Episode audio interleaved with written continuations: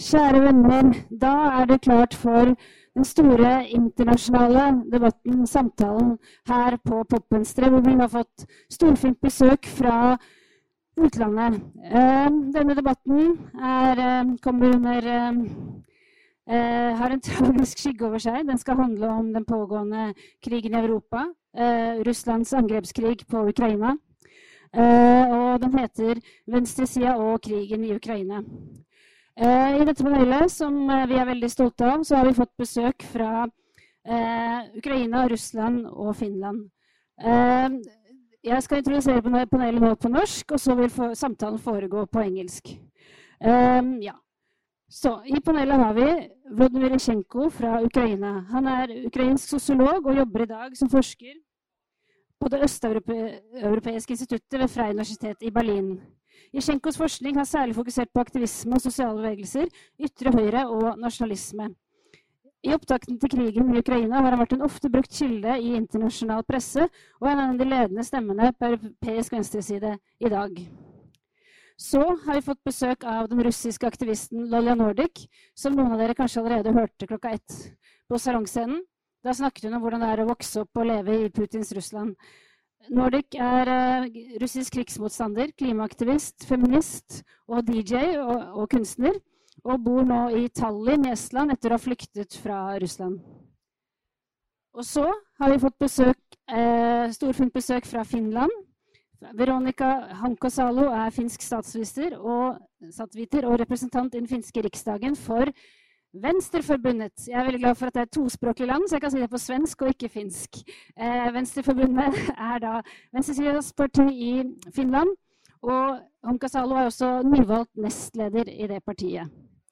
Og til sist så har vi da også besøk fra Norge, dvs. Si Bjørnar Moxnes, som er partileder i partiet Rødt, og dessuten sitter i utenriks- og forsvarskomiteen på Stortinget. Og til å lede denne samtalen så har vi fått veldig fornøyd med det, Mari Eifring, som er utenriksredaktør i avisa Klassekampen. Ta dem godt imot.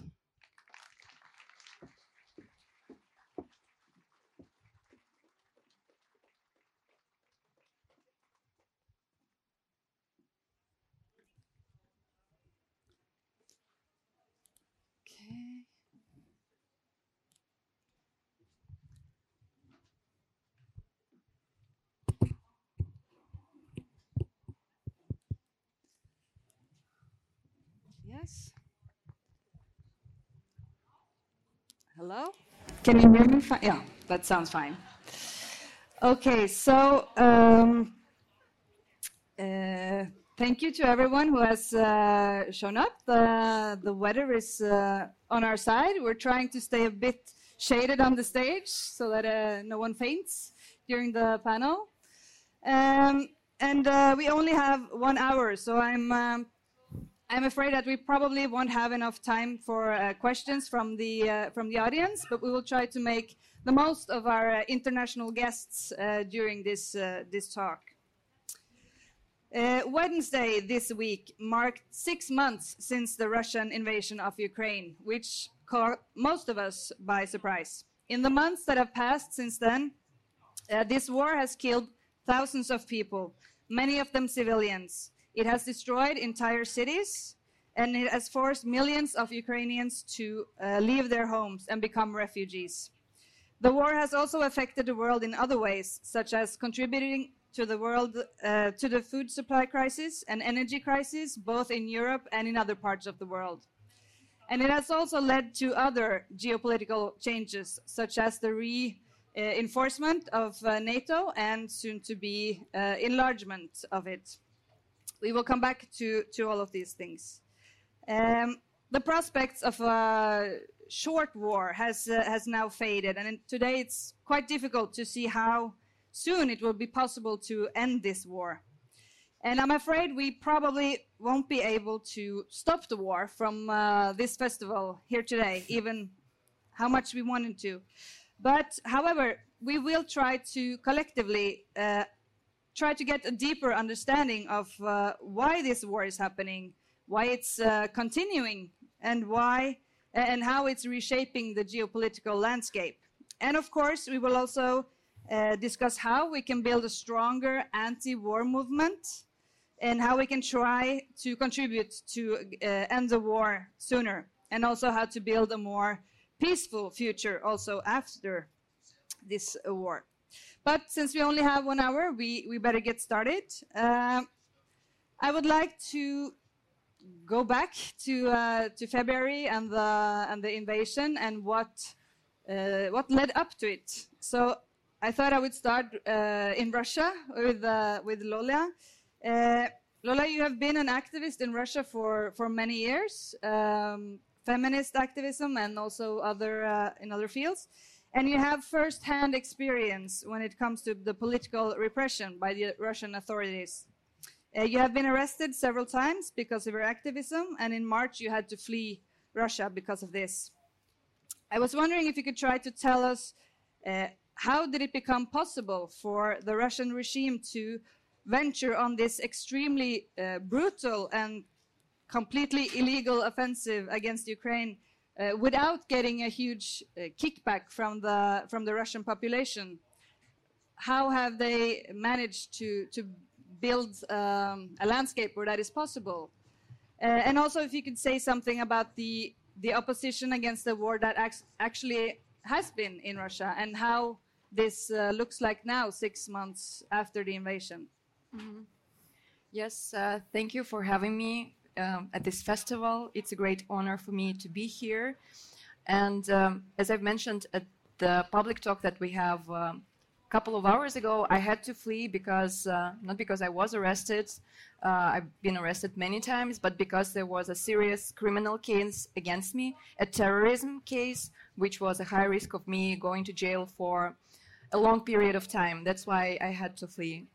Uh, but um, I wanted to cover uh, the issue that uh, disturbs me a lot, that when the war has started and to say it more co correctly, than when the war has escalated in February, because it has started back in 2014, uh, there were a lot of anti-war street protests in Russia, and they were covered um, really widely in the Western media. But right now, the narrative in the Western media completely changed, and most of the time we see the headlines like Russians citizens don't care about the war, nobody does nothing, there is no anti-war resistance movement, and I'm here to tell that it is not true. And uh, as a part of an anti-war resistance movement in Russia, I can say that the scale of the anti-war resistance movement is large, is just uh, not that visible to people from other countries because after months and uh, weeks of daily protests uh, when the war has escalated, uh, Russian anti-war resistance movements and the protesters realize that it's not effective, it's not working to going out on the streets because more than 16,000 people got arrested during the first several weeks of daily anti-war protests. And uh, uh, we have to realize that Russia is not a democratic country. It is an authoritarian state which is uh, fastly transforms into a military dictatorship. And in these circumstances, there, there's like street protest doesn't work because Putin and his government they doesn't care about people and what they say on the street protest. The only thing that the government shows to these people is uh, the language of violence because people get oppressed, people get beaten up, people get huge fines which they have to cover from their family budget, and people have to go to jail for many years at some point. So uh, what we had to do is we, uh, is we had to go more underground to the more partisan strategies of uh, anti-war resistance movement. And right now, during the last five years, uh, there is a really large-scale network of different anti-war initiatives which are just not that visible to people from foreign countries because um, everything we do, we write about it and we post about it. It's mostly in Russian language, so most of the people don't know what is going on. But at the same time, there is this kind of hierarchy in the oppositional movement. So, for example, if you're speaking about opposition in Russia, everybody knows Navalny, but most of the people they don't know different leftist, anarchist, anti-war organizations uh, a wider range of uh, which we have in Russia. At the same time, when you speak about feminism, everybody knows Pussy Riot, but nobody knows thousands of activists and hundreds of projects that we have in Russia. Mm. So uh, I'm going to sum it up because we have not that much time. But what is going on with, uh, like, you asked uh, why there was not a kickback from the Russian society when the war has escalated. Actually, there was a kickback, but that kickback wasn't as strong as it could be if the opposition wasn't oppressed for 22 years of Putin's reign. Because, you know, activists and oppositional politicians and independent journalists were oppressed and murdered and tortured for this whole Putin's reigns. We knew a lot of uh, examples of that. It didn't start yesterday so uh, Russian government, Putin's government, was constantly oppressing anybody who is against uh, his reign, anybody who even tries to say anything against this regime. So people are really scared, and people who are still active in the opposition, they are risking their safety, they're risking everything they have when they're choosing to do activism, they're choosing to do oppositional politics. So I think it's uh, for me, it's not a surprise that there wasn't like millions people outside in the streets. Actually, I think there were many people because there were, I don't know, hundreds of thousands of people who took. Uh, uh, tens of thousands of people who took uh, part in the street protest, even though they knew that they will get arrested and detained. So right now, uh, the partisan movement in Russia is uh, not some kind of one or two cases of radical protest and radical actions. This is a sustainable, uh, consistent uh, resistance thing. So you may heard about the Russian partisans and anarchists uh, destroying the railways those uh, uh, the railways which are used uh, to bring war machines like military machines to the war zone in Ukraine from Russia. So there are people risking their lives to break these rails and to stop these trains and to stop these you know supplies. At the same time, there are partisans who are uh, during the night are putting on fire military offices uh, those offices who are used to mobilize soldiers so they are like they can't work after the weekend because they're burned so at the same time we have uh, a feminist anti-war resistance which unite women and people from vulnerable social groups and queer people who are trying to you know support political prisoners and to break this you know propaganda blockade informational blockade that is uh, continually uh, developed by Russian state because a lot of people don't get access to the independent news because most of the media was oppressed as well. A lot of media had to close or have had to go in exile and most of the people they don't have uh, proper access to this information so the activists are trying to build partisan newspapers. They're trying to spread the word. They try to connect with different people and share this information, which is too illegal because we have these new laws which don't let you name the war war actually. There are people who went to jail for naming the war the actual war a war so the risks are very high and at the same time we have mothers of the soldiers who are trying to you know confront the government and who are trying to save their children who were brought to the war without their consent. I mean like the young boys who were never supposed to be there because it's illegal to bring them there. At the same time there are uh, women who try to get their husbands back from the war whose husbands were forced to go there or tricked to go there. They never gave their consent in the first place to to be there in this bloodshed. Uh, at the same time, we have a network of lawyers who are protecting political prisoners and who are giving free legal advice to the people because most of the Russian people they can't afford a lawyer when they're facing these repressions. So we need to build a system of providing them this free help, and this takes hundreds of thousands of people who are doing this anti-war work. And the last but not the least, what I want to mention is helping Ukrainian refugees. Like hundreds of thousands of them were actually kidnapped from the occupied zones for, to Russia. And right now, these people are not safe and they need to flee from Russia. And thousands of Russian citizens are helping them to get out of Russia. At the same time, Russian government doesn't want them to get out. So this is a very brief picture I just want you to see the bigger picture of how organized and how diverse the anti-war resistance movement is and to let you know that if you don't see street protests with you know posters on the street it doesn't mean that the anti-war resistance movement doesn't go on. It goes on. It just uses another strategies to do this. Hmm. Thank you.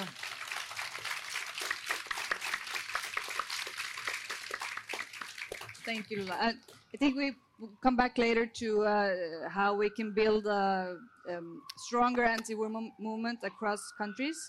But I wanted to um, pick up on on the last part because I think it's, and I wanted to ask you, uh, Vladimir, because it's uh, it's very clear to see who is uh, suffering from this war. It's uh, people of people of Ukraine who are either staying in Ukraine or having to to flee. Um, but I was wondering if you could say something about who do you see uh, profiting from this uh, from this war?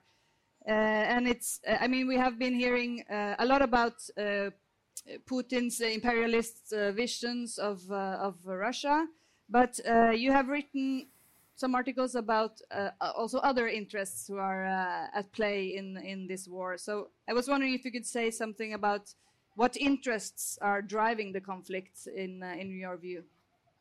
Yeah, thank you so much. Uh, does it work? Yeah. yeah. Okay. Uh, and thanks for inviting me. It's a great pleasure to speak to such a uh, big audience of Norwegian comrades. Uh, so I think this question about the interests behind the war is uh, like fundamental for left analysis of the war because if you forget about the material interests, we are uh, very easily going into these very primitive mainstream discussions uh, that Putin started this war because he's kind of like ideological zealot, madman, or whatever, reading some crazy books, speaking to some uh, freaks, and so on, or to the other extreme, where like the whole Russian society is like guilty in this war, whatever they were trying to do, even if they were like like literally sitting in the prison because of like protesting against Putin, like we are forgetting about all this diversity that Lola just told uh, about.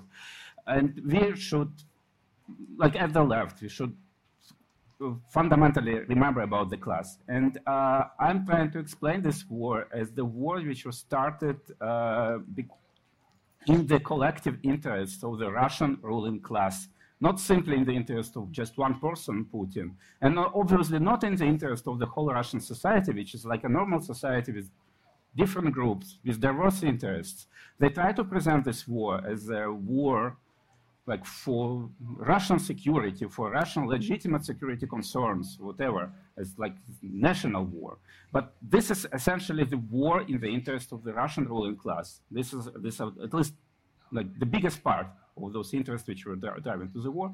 And um, to understand this, we need to uh, know better what kind of like capitalism emerged in the post-Soviet Russia, uh, what kind of capitalists are the ruling class in Russia, because these uh, distinctions are not very well understood uh, by the people outside of the region.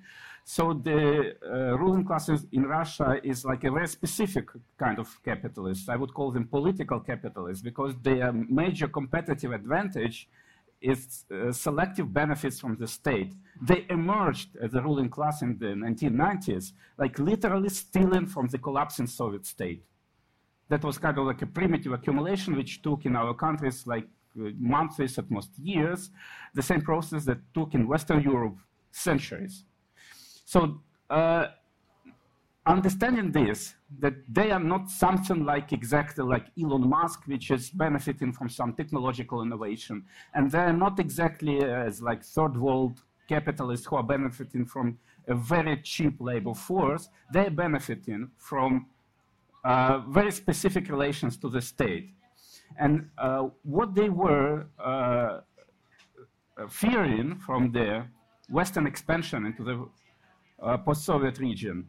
It was uh, maybe not so much uh, connected to the, all these geopolitical military concerns, but the economic conflict was even more important for them because there was no way that this post-Soviet political capitalist class would be integrated into the global elite without being uh, eliminated as a class, without being uh, uh, uh, taken away of the those selective benefits which were they uh, forming their uh, major competitive advantage. So this uh, economic dimension of the Western expansion and this uh, how the Russian ruling class sees this is very much missing, and we should understand this. And on the other side of the of the war, yes, there is the uh, kind of like um, very typical post-Soviet alliance of the uh, professional middle classes who were excluded from political capitalism, uh, who were allied with the transnational capital. And uh, for the post-Soviet professional middle classes, they, they had an idea that um, they need to join kind of like a proper capitalism, something looking like the United States and EU, which for them at the same time was also kind of like going back to the so-called civilized world. And at the same time, they were uh, promoting the soft power of the transnational capital. And uh, the uh, transnational capital also has the, uh, very specific economic interests in our part of the world. This, this could, could, be seen very well, in, for example, on the issue of the European Association Agreement with, the, with Ukraine, which was not beneficial for Ukrainian economy, but was fundamentally more beneficial for the uh, European Union in exploiting Ukrainian raw resources and also potentially absorbing a very cheap Ukrainian labor force, at least cheap according to the European Union standards. So this uh, class conflict behind the war should be uh, very well understood. And if you forget about that, we uh, easily uh, may go into very, uh, like, first of all, non-sophisticated, primitive understanding of the war and, but at the same time, which would feed into very specific right-wing uh, narratives. We, of course, we should understand that for most of Ukrainians, this is the war of self-defense. That's how they see it. But we also need to understand that there is a gap between the interest of the whole Ukrainian society. Like, like there is a huge gap between the interest of the Russian society and, the, and Putin and, and, and his cronies this, the same exists in Ukraine. It's also a class society. And yes, there is a war of self-defense, and yes, there are very specific groups within Ukraine and outside of Ukraine who would benefit much more from this war. Thank you. Thank you. Um,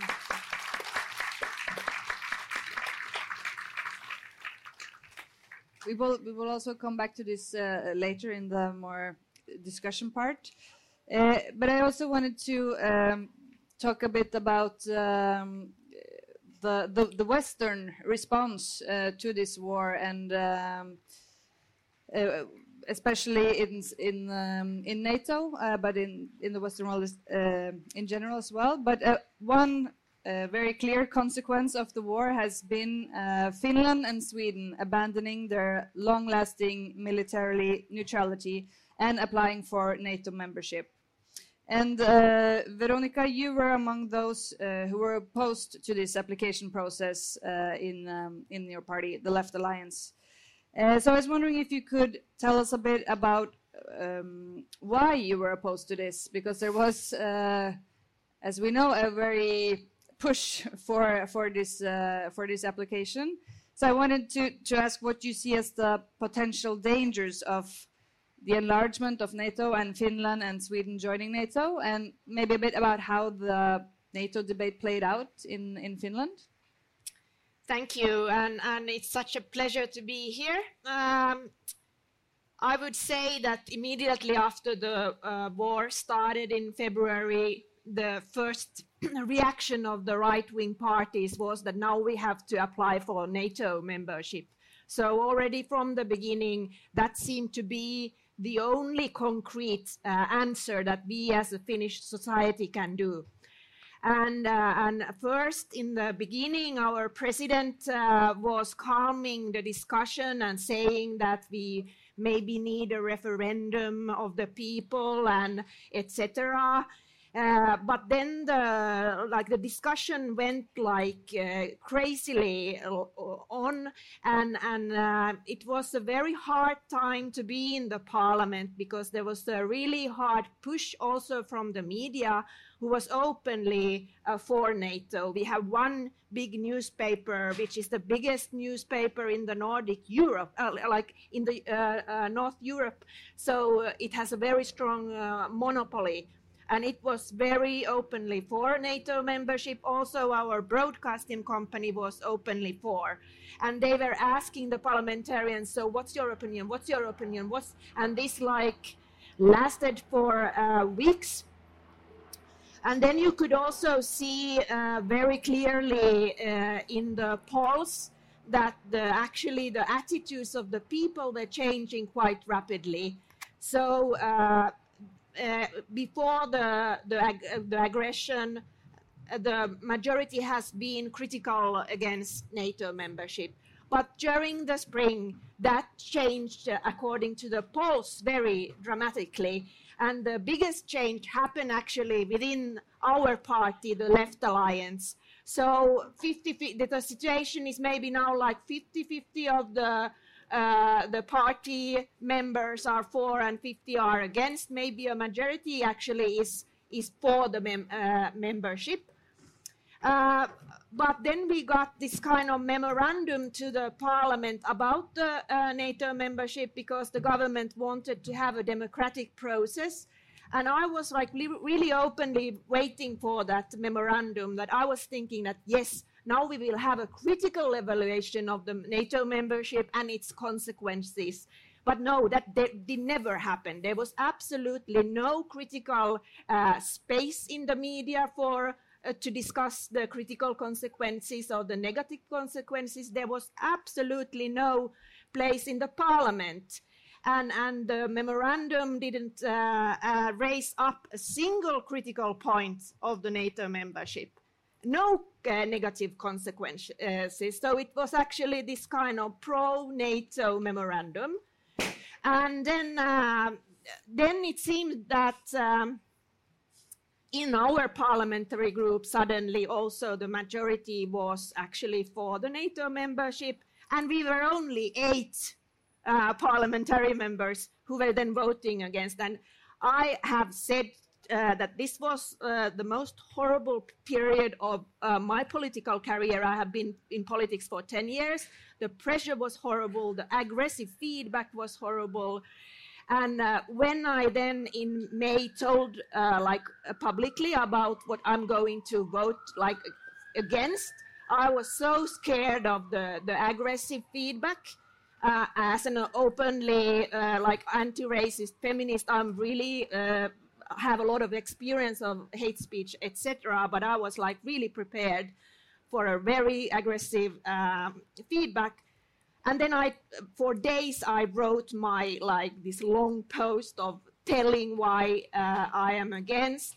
And then it was interesting because it was absolutely like positive the feedback. People were happy that someone was telling critically openly how like difficult the decision has been. And my main points there that I'm against, uh, that I think, uh, uh, according to my analysis, the NATO membership will increase tensions within the Nordic countries and the area and the Baltic Sea. Secondly, it will put us under this like uh, nuclear uh, weapon uh, doctrine, that's for sure. Uh, and, and then it will commit us to this kind of military assistance and, and uh, that we have to be always prepared to take part of the NATO actions, of course. As a new member of, uh, of NATO, it has shown that all the new members want to show how active they are and they are willingly participating in all kinds of NATO uh, interventions. So that was also my, my point. And then one point was that I, I don't want to be allied with Turkey, for example, and that uh, uh, I don't want that Finland exports weapons uh, to Turkey and, and, and this kind of uh, country that is openly like violating human rights. And now we can see what is happening with, uh, with uh, Turkey, for example, and how Turkey is putting pressure. So that were, were the points that I I, uh, I, had against NATO membership, but it's, you can imagine that being one of the eight of 200, that position is not uh, that easy. Mm. Uh, thank you. um, I think it's I think it's very interesting because it uh, it sounds like the debate climate in Finland was quite similar to the one in uh, in Norway uh, concerning. Uh, well, we are of course uh, NATO members uh, for a long time, but concerning just criticism of NATO and uh, being uh, opposed to NATO membership. Yes, and, and, and, there was this kind of stupid competition also between Sweden and, and Finland, I think, that which country will be the first one, and then these fantastic pictures of Sanna Marin and Magdalena Andersson walking towards NATO, and, and so it was a very strong perf performative uh, like action also. And I, I, I have said to many people that I hope that we will have critical historians in the future who will really analyze critically what happened? How could this be possible in a democratic country? We didn't even have a referendum, or in all other countries, uh, there has been a referendum, but we only had this kind of poll democracy. Mm. I think that polls are not enough to legitimize a NATO membership. Mm.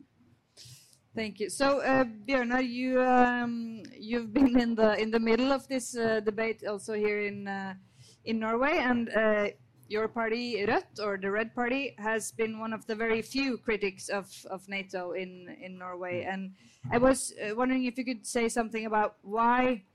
Uh, why do you think that a stronger NATO or bigger NATO is is not the answer to to the situation that Europe is in with a more aggressive Russia that uh, breaks international laws and uh, invades neighboring countries. Uh, why would not a good answer to that be to stand together in uh, NATO and um, oppose the Russian uh, aggressivity?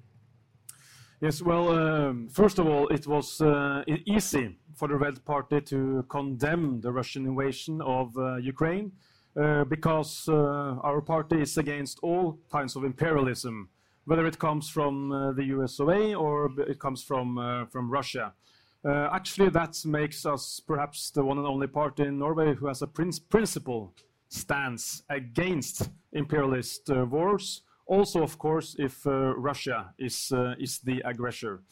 Um, and in the debate uh, in Norway, it has um, you have been labeled uh, as if you are uh, supporting the war if you are against uh, NATO, but that uh, is not true.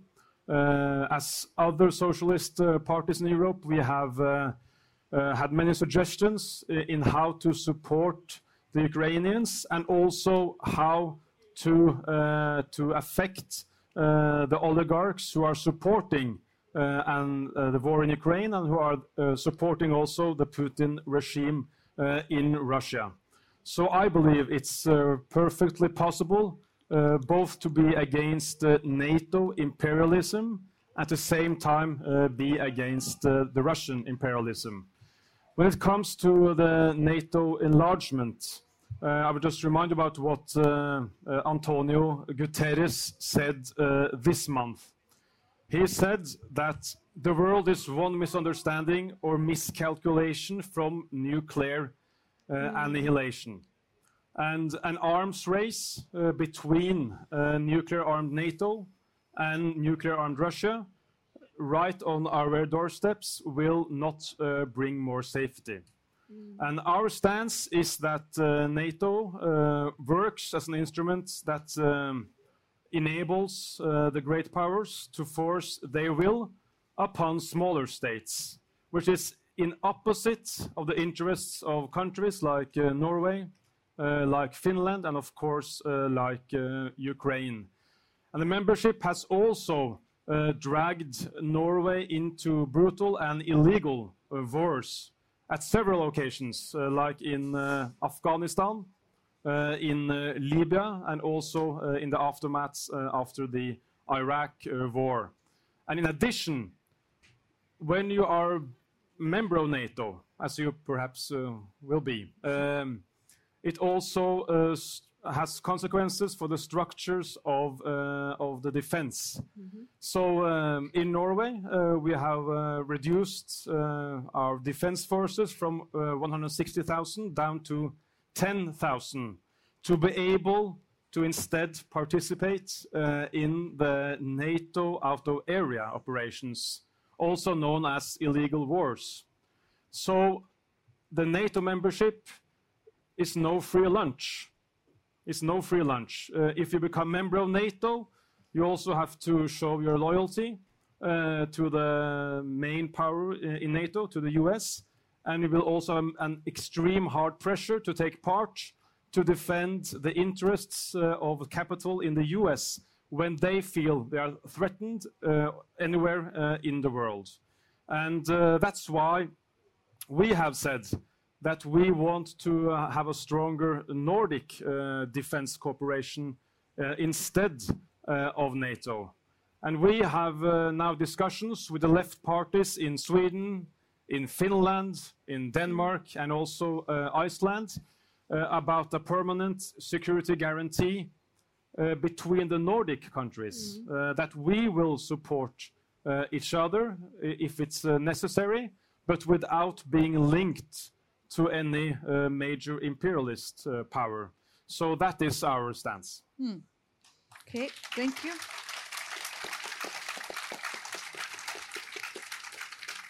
Uh, so I, th I, thought we could just um, focus. Now we have enlightened uh, various uh, sides to this war and its its consequences.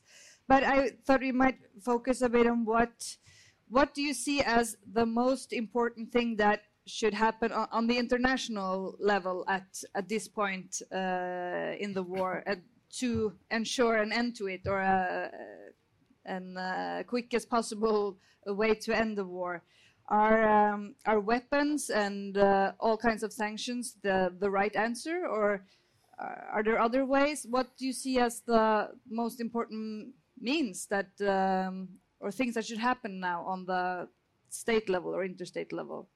Maybe Vladimir, you could go first. Okay, thank you. Uh, yeah, I'm, I'm, I'm, not sure how, if it's possible to to, to uh, tell everything in very short answer because it's actually a lot could be done, and but the focus of the discussion in support of Ukraine is is, is just weapons, mm. and, and and this discussion is uh, at least among the left is usually quite primitive, to put it frankly, because it's either or. But even like our elites Olaf Scholz, Joe Biden, Macron, they differentiate between different kind of weapons. So we are ready to supply this kind of weapons to Ukraine, but we are not ready to supply the weapons that could hit Russian territory. So they understand that there are different kind of weapons that could be used differently.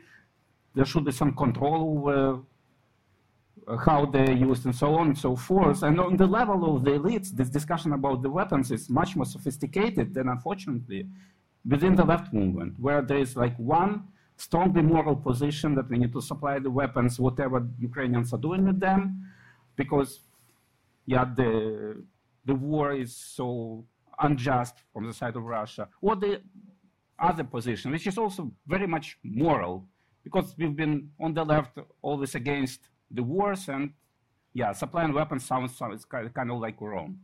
But there are a lot of other things that the left and precisely the left should be talking about. Uh, first, there is a, there is a real possibility of the nuclear war escalation, and that should be taken very seriously. And precisely the left should be uh, mobilizing against any further escalation among the major powers with nuclear weapons arsenals.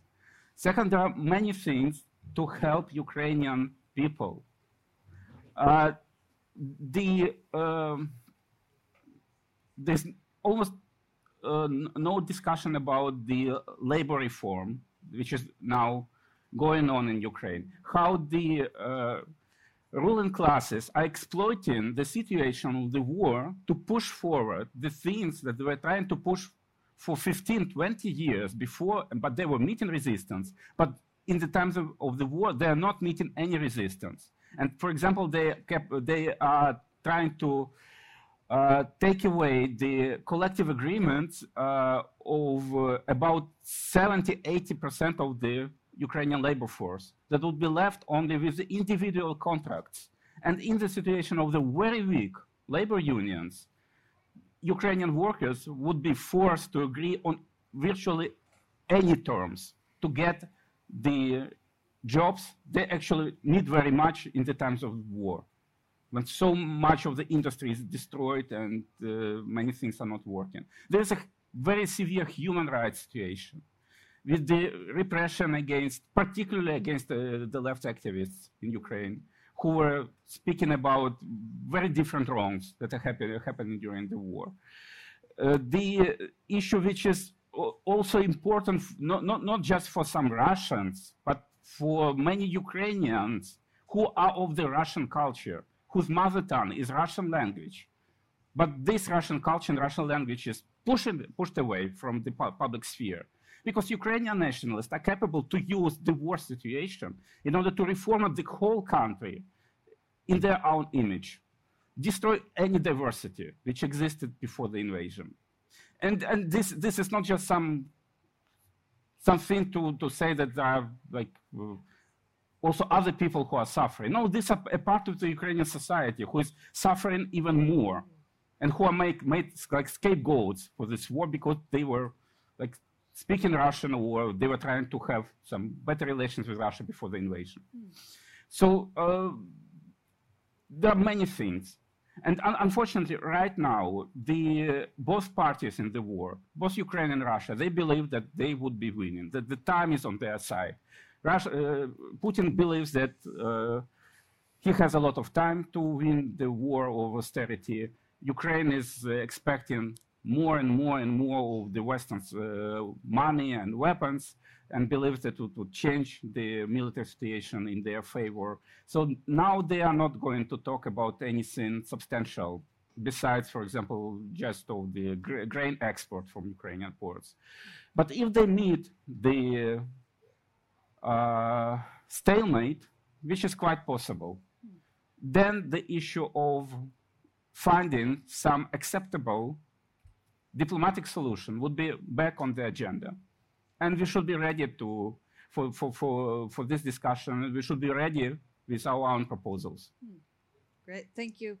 Uh, Veronica, how do you uh, in the Left Alliance see this question? Have you uh, been opposed to sending uh, weapons to uh, to Ukraine, or how, what do you see as the most important um, issues to fight for in the from a Finnish perspective? I think that uh, that discussion was maybe more easy than in the other Nordic countries, uh, and it, the the weapon deci decision was made by the government. It didn't come to the parliament, but as a whole, uh, whole, I don't see that there is a quick end to the war. Uh, Russia can end the war, like we have to remember that. And and but I had the opportunity to travel to Ukraine in, in May with the European left uh, delegation and, and to meet our sister party, Sotsialnyi Rukh, uh, which is not organized on the uh, political level. It's an NGO. Uh, and I think this is also uh, very important to remember that the, actually the possibilities of the left uh, to do politics is very difficult in in Ukraine. It's the oligarchs who are ruling. Uh, the possibility to be in the parliamentary system means that you have to have the support of the oligarchs. And uh, as Volodymyr said, I think that there should be more uh, discussion about the Ukrainian society and the, the, huge diversity and the problems of the society. I think we don't have that discussion at the moment at all. And when we don't have that, we don't have the best tools to help, for example, the NGOs, the opposition, the rebuilding of the society. And uh, we have been uh, supporting the campaign of our Polish uh, sister party, Razem, uh, in uh, forgiving the debt uh, to U- Ukraine. So there's a lot of things that we we can do, and actually we should. Uh, uh, start the rebuilding of the educational sector, but we should also support the Ukrainian refugees. Uh, in Finland, we have 38,000 Ukrainian uh, refugees, and they still have a lot of problems in getting to the working life, for example, and getting support.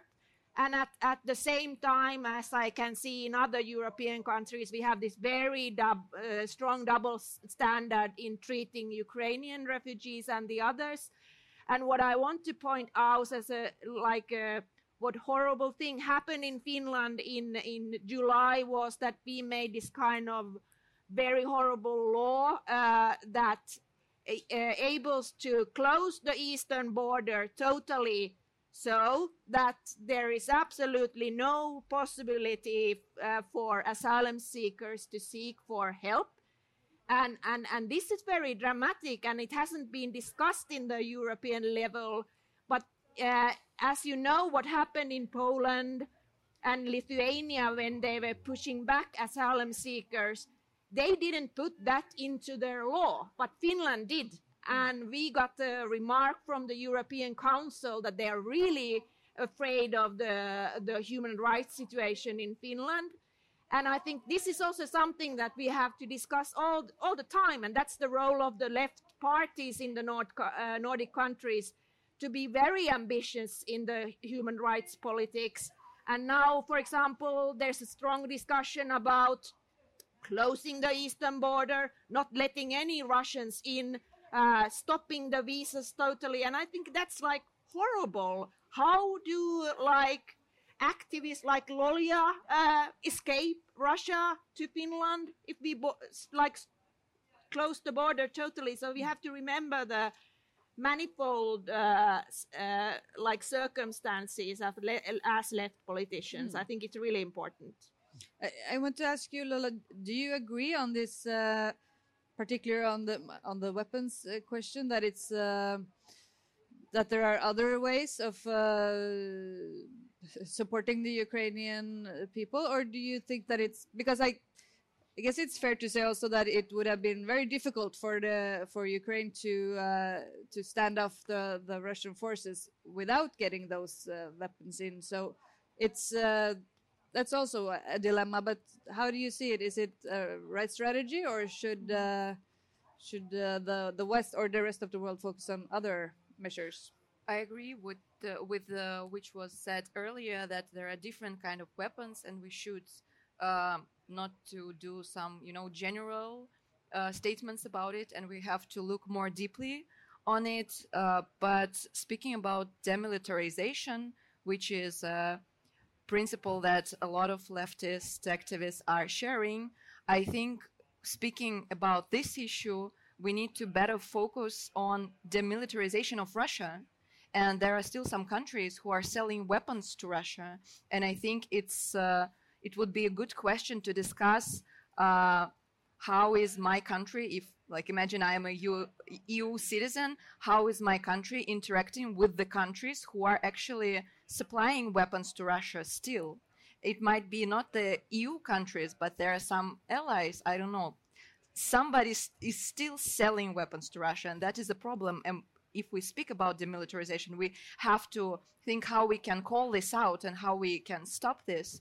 At the same time speaking again about the militarization, I think it's super connected to the uh, embargo subject because buying fossil fuels from Russia, mm-hmm. you are actually militarizing Russia because all this money that gets in the pocket of Putin and his elite from the fossil fuels that are bought from by other countries, all this money go to the war. So all this money is used to militarize Russia and to buy more weapons, to you know make the army stronger, to continue this war.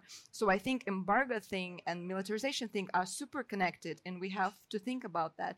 And still, by now, since the war has escalated in the February, uh, foreign countries they spend hundreds of millions of uh, euros and dollars for the fossil fuels. All these billions of money went to the Putin's pockets and they're still buying it and we have to do this i don't think that the visa ban, like it's will do something. The visa ban won't stop the war. Putin doesn't care if Russian citizens are allowed or not to go to European countries or to Baltic countries. Putin will love the idea that nobody can get out of Russia because he wants to isolate Russia from other countries. He doesn't want Russian citizens to see the life abroad. He, he doesn't want Russian citizens to engage with the West because he wants to present the West as the enemy. Actually, I think it will be important to say that Putin's propaganda, they use this news about mm. the, you know, uh, the idea of blocking Russia's citizens from coming to European countries.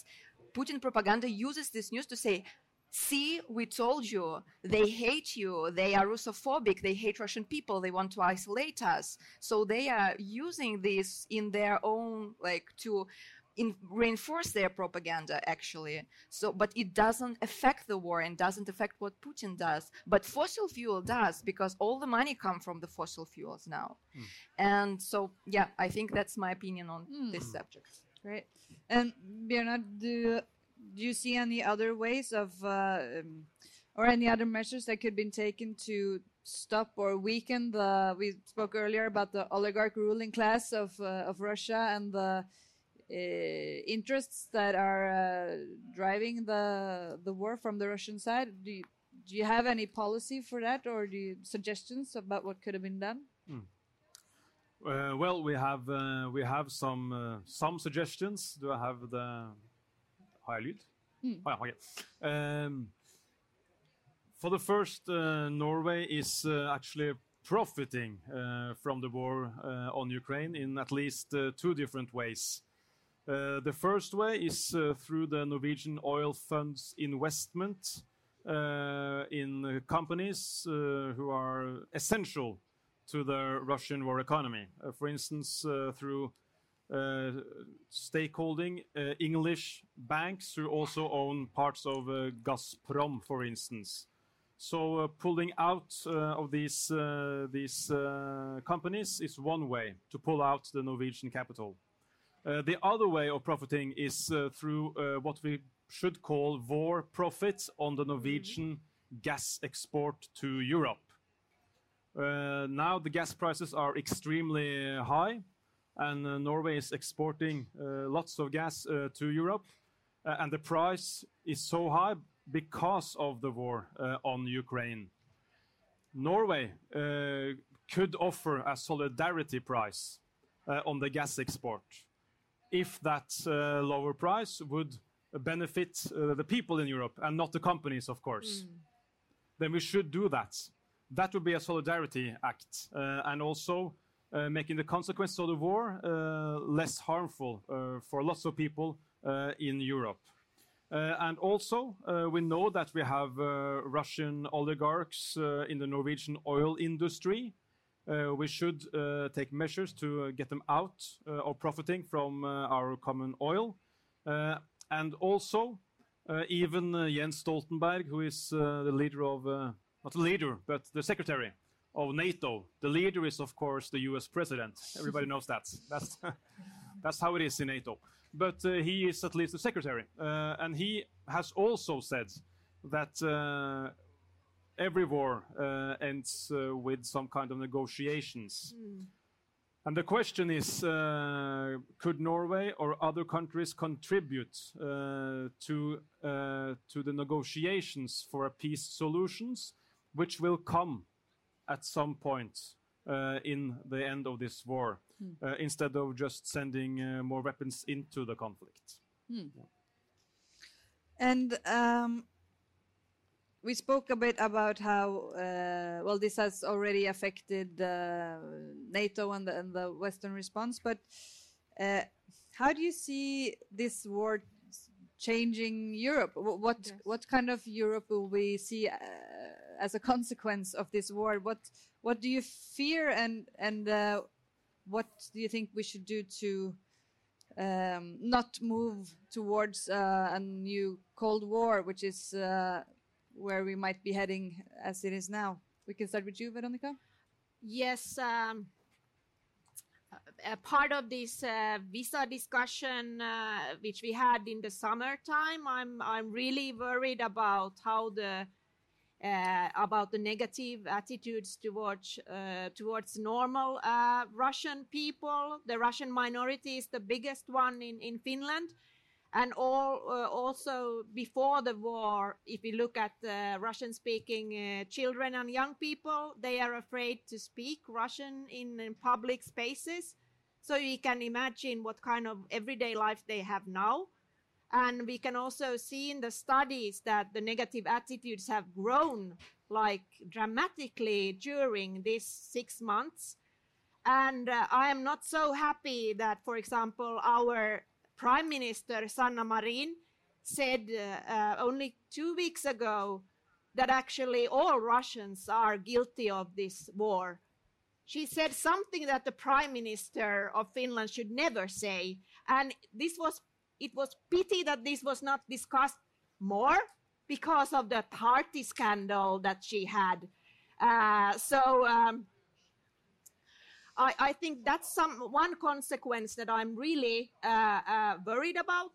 And I'm also we have parliamentary elections in April, so I'm also afraid of the populist movement using the war. Now already we could see in summer that the populist tensions were there. The Social Democrats were for closing the border and uh, together with the right wing uh, parties. And this was the wet dream of the radical right wing party that they have had for years to stop the possibility for asylum seekers to come to Finland. And now they got it. And social democrats were supporting them. So we should really think about the place of left parties in this context because I can already feel that even within the left alliance, there are politicians that are afraid to speak for the rights of asylum seekers, who are afraid to speak openly for human rights, like a basic fundamental rights. And I think that that's uh, a trend that we shouldn't like let it happen. So I'm really scared of, of what ha- what's happening, like on a more general level. Hmm. Um, thank you. Uh, uh, Vladimir, what, what do you think is, uh, are we moving towards a new Cold War uh, without possibilities to divert it or? Um, there are many, I mean, like, I live in Germany right now, and there are very visible negative developments that look like they would escalate even more. So, uh, now we are starting to feel the inflation uh, driven by the energy prices. And it looks like the uh, far right would be much better prepared to benefit politically on criticism of the inflation, on uh, raising the issues that we need to like uh, negotiate with Russia, and even um, turning Ukrainian refugees into scapegoats. Mm for why Germans are starting to pay more for the energy bills and so on, and for uh, like basically energy affects and everything in economy. And uh, so this this this is yeah this is a very bad development. Also the environmental issues. That's uh, yeah this energy market. Um, disaster is uh, affecting the, all the plans moving towards greener economy. And we are kind of like moving now back to even like exploiting more of the coal, which is like even worse than the gas that was bought by from Russia. But uh, I mean, to, to give at least some optimism, I mean, Marie, uh, yeah, raised the issue of the Cold War. Cold War was actually uh, better than the situation that we have now, because Cold War was a kind of like regulated confrontation between two ideological blocks, the Soviet bloc and uh, let's say like the Western, like US US-led bloc. They've been looking for some of the they were uh, waging a kind of like confrontation between each other, but also seeing some of the limits where they could not move, could, could not move beyond in order not to escalate into the disastrous nuclear conflict. And at this moment, uh, this confrontation between Russia and the West is not exactly on this more like regulated and safer way. And moreover, the Cold War was not only about the uh, how many nukes each side have. This was also competition in the space. This was also competition for the for the um, loyalty of the third world nations, where both the Soviets and the United States were uh, supporting their allies, and not not simply not simply with the weapons, but also with the money, with technologies, and so on. So actually, this regulated competition it does have some benefits, but it is not exactly what we have right now. So if we are moving to the new Cold War, uh, there, might, there, could be some optimistic scenarios that, however provocative it may sound right now. That's interesting. Uh, and and uh, Lule, how do you see this? What what do you how do you think that the relationship between the West and Russia will will continue after this situation that we have now? I don't know. I think uh, in many ways it depends on us, like all of the people, and how much are we involved into this. Because I need, uh, I think what everybody, like mostly everybody, can do is try to confront this populist narrative mm. of isolating Russia and like continue saying that there's no anti-war resistance in Russia. I think each of us heard such statements somewhere from the friends or for the local media, each of us can confront it in some way and say, no, it's not true. No, there are anti-war resistance in Russia. There are people who are working daily, risking their safety and their lives to uh, stop this war and to stop Putin and to oppose Putin. I think we need to shift this narrative somehow, and I think we need to be critical about it and call out these populist statements if we can do it in some like baby steps or something, just like posting comments or speaking with people or confronting or making new alternative articles about it. At the same time, I think that because right now I don't see much alternative point of view, as you've mentioned uh, already. Because uh, liberal politics, politicians, they can make this really bright and populist statements, but there's no answer to it. So there's no opposition to it that can be visible to the people. So I think this is important. And at the same time, um, I think that it's important to concentrate of uh, what we can do in terms of the refugee crisis because I can feel that also in the media there is not that many uh, noise and buzz about it, even though people from Ukraine are still fleeing and they're coming to Norway, they're coming to European countries. But there was so many news about it in spring, but right now mostly nobody talks about it. And still there is a crisis because there are not enough resources. I have friends who are volunteering in many European countries. I myself am, am a volunteer in Estonia, in Tallinn. I am working, I'm taking night shifts at the bus station, at the central bus station in Tallinn. And people from Ukraine are coming every day and uh, most of the work to help these people are on the shoulders of the grassroots organizations locally in different cities. So I think, and like a lot of people thought, like millions of people are housing, like ordinary European citizens are housing refugees, helping them out. And we need more resources to do this work. And I think most of us can be involved uh, in this work, just like being aware, saying like, okay, what's happening with refugees right now in my city, in my village, in my hometown. What can I do? What are the groups that are helping? How can I donate or how can I participate with some help? Because this uh, float of people from Ukraine is still going on and it's still critical. And a lot of people who were active in the spring, who were helping refugees in the European countries, got burned out already. Mm. So there's a lack of people who are involved in this work. And at the same time, I think we should be really aware of some people are not ready to be a volunteer, but some people are ready to donate. I think we should be really, you know, critical about who we are donating because we have some kind of corporations like Red Cross. It's not a corporation, of course, but it's like a huge organization that has been fundraising shitloads of money. But I don't know any volunteer or volunteer group who saw this sexual money because most of the grassroots groups are having a lack of money. And I don't know where are these billions of uh, euros which was donated to Red Cross and these huge organizations.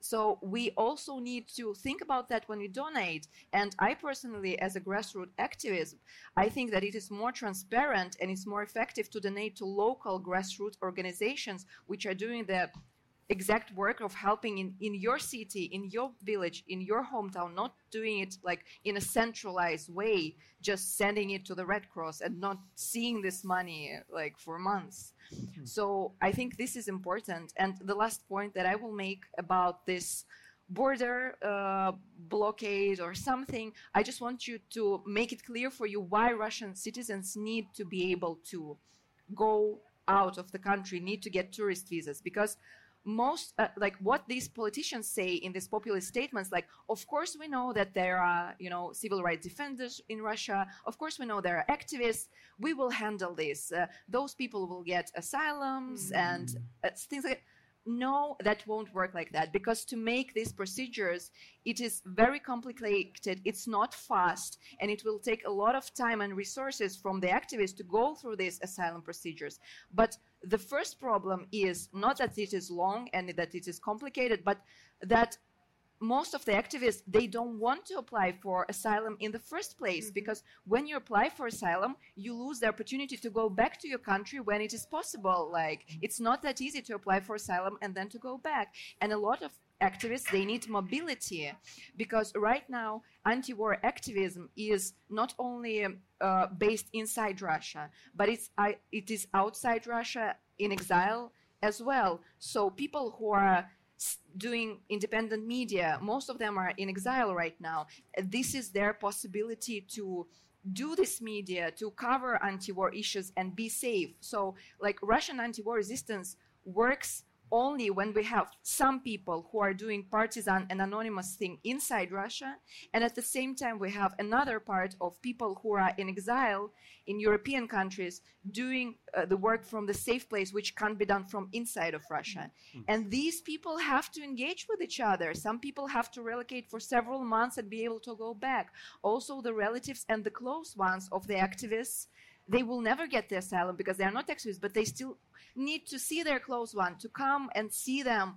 And what should they get tourist visas to be able to do that? Because mm. I haven't seen my close ones for five months already because it was hard for them to get visa. And right now, if there will be a block of this, I don't know when I will see my friends and my family next time because like nobody will give them asylum because some relationships I mean, they're not official.